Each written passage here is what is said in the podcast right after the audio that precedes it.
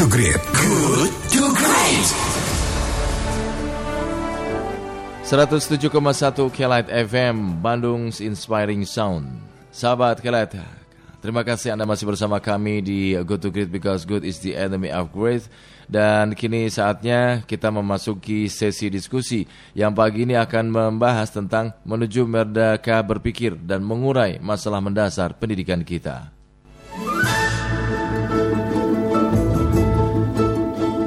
Mencerdaskan kehidupan bangsa merupakan salah satu amanah para pendiri bangsa yang dituangkan ke dalam Undang-Undang Dasar 45. Konotasi mencerdaskan kehidupan bangsa menggambarkan sebuah cita-cita serta harapan negara dalam upaya mendistribusikan pendidikan ke seluruh rakyat Indonesia agar tercapai kehidupan berbangsa dan bernegara yang hikmat dalam mencerdaskan atau dalam kecerdasan.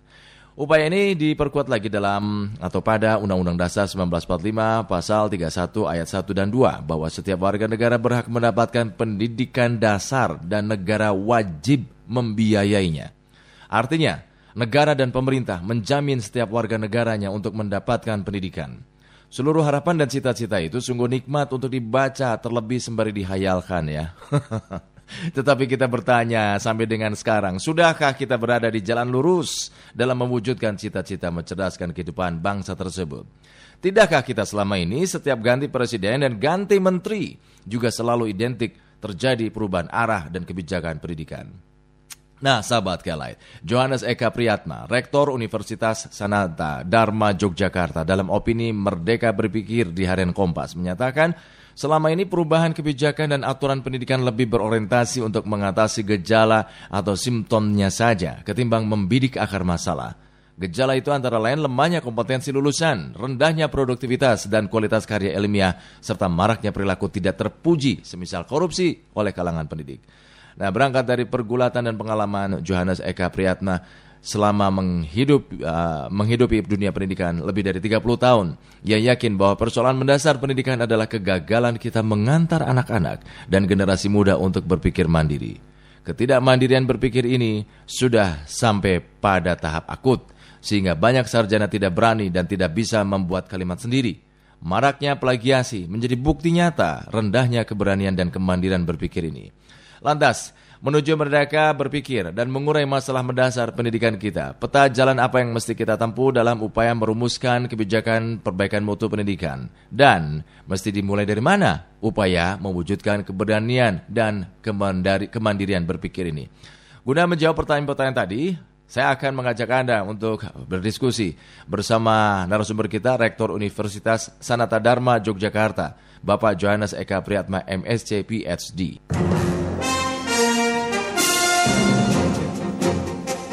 Halo, selamat pagi Pak Johannes Eka Priyatna. Selamat pagi, Ijul. Yes, apa kabar Pak? Baik selalu. Oke. Okay. Ya. Pak, Anda kemarin menulis beberapa hari lalu menulis uh, opini menarik di harian Kompas ini Pak mengenai merdeka berpikir dan terus terang menggelitik kami untuk mendiskusikannya. Nah, apa sesungguhnya ini Pak gagasan besar dan kegelisahan yang ingin Anda sampaikan kepada publik dan pemerintah Pak uh, Johannes?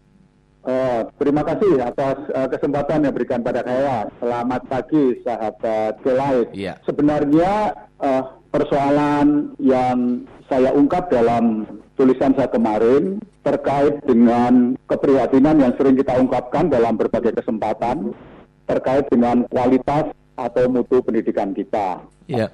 Lalu menurut saya supaya persoalan itu bisa terurai dengan baik, maka kita perlu meneliti betul apa yang menjadi akar masalah dari persoalan tersebut. Nah, bagi saya akarnya adalah kegagalan kita untuk mengantar anak-anak dan generasi muda untuk berani berpikir sesuai dengan kapasitas dan kemampuan sendiri dan ini disebabkan karena selama ini pendidikan kita kurang menopang ke begitu mas. Hmm, jadi lebih kepada kemandirian kemandirian berpikir ya. Iya betul, iya betul. Hmm, ya. Oke. Okay. Nah, ketika kita bicara soal kemandirian berpikir, apa sebetulnya yang ingin atau uh, bisa kita raih ketika kita bisa melakukan atau mempunyai kemampuan kemandirian berpikir, Pak Johannes? Ada beberapa langkah yang bisa di, uh, uh, digunakan.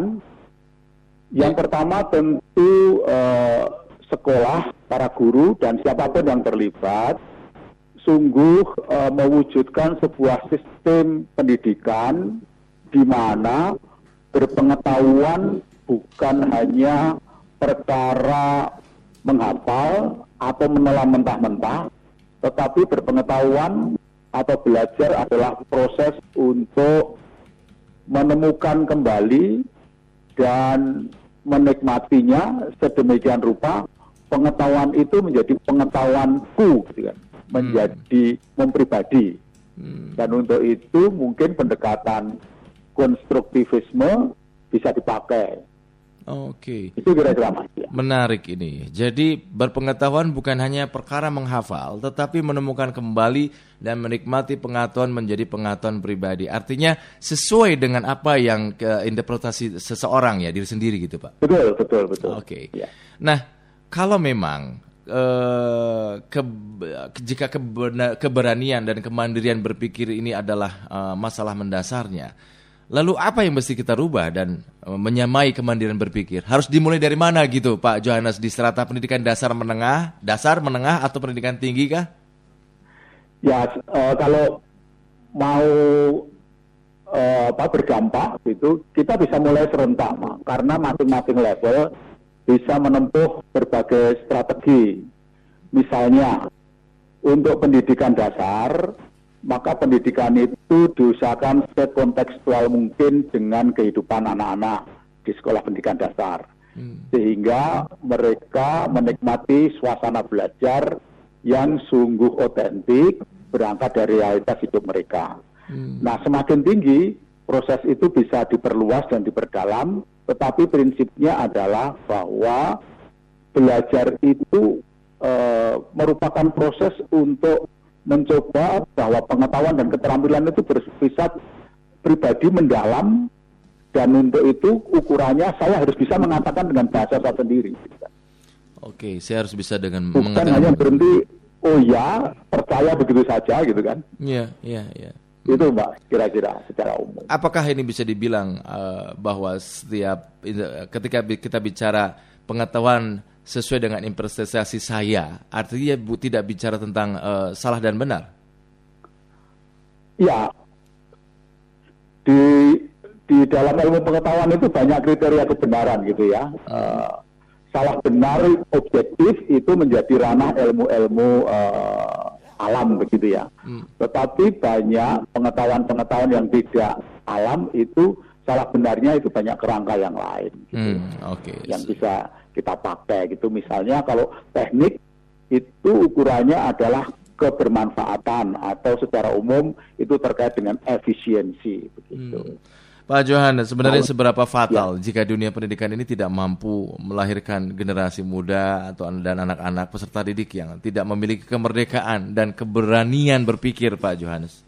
Oh, itu sangat fatal Mas karena ketika kita tidak berani berpikir dengan cara kita sendiri, kita akan menghasilkan generasi-generasi yang cenderung tidak mau bertanggung jawab terhadap hidupnya sendiri.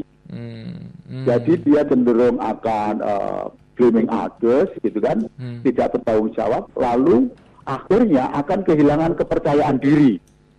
Ketika orang kehilangan kepercayaan diri, maka dia akan kehilangan semangat, dia akan kurang kreatif dan tidak berani menghadapi tantangan yang ada di sekitar. Wah, mengerikan juga ya, Pak Johannes ya. Iya betul, ya. Oh, ketika kita bicara tentang the bonus demografi, ketika kita bicara tentang generasi emas 2045, ini seharusnya menjadi eh, perhatian pemerintah yang begitu eh, kuat ya, mestinya ya. Betul. Dan sebenarnya untuk memahami ini tidak perlu sulit-sulit. Kalau kita belajar keberhasilan orang-orang yang kita anggap sebagai sukses, maka justru di situlah kuncinya, yakni mereka ini orang-orang yang berani berpikir dan bertindak berangkat dari situasi realnya dan penuh kepercayaan diri, mas. Hmm.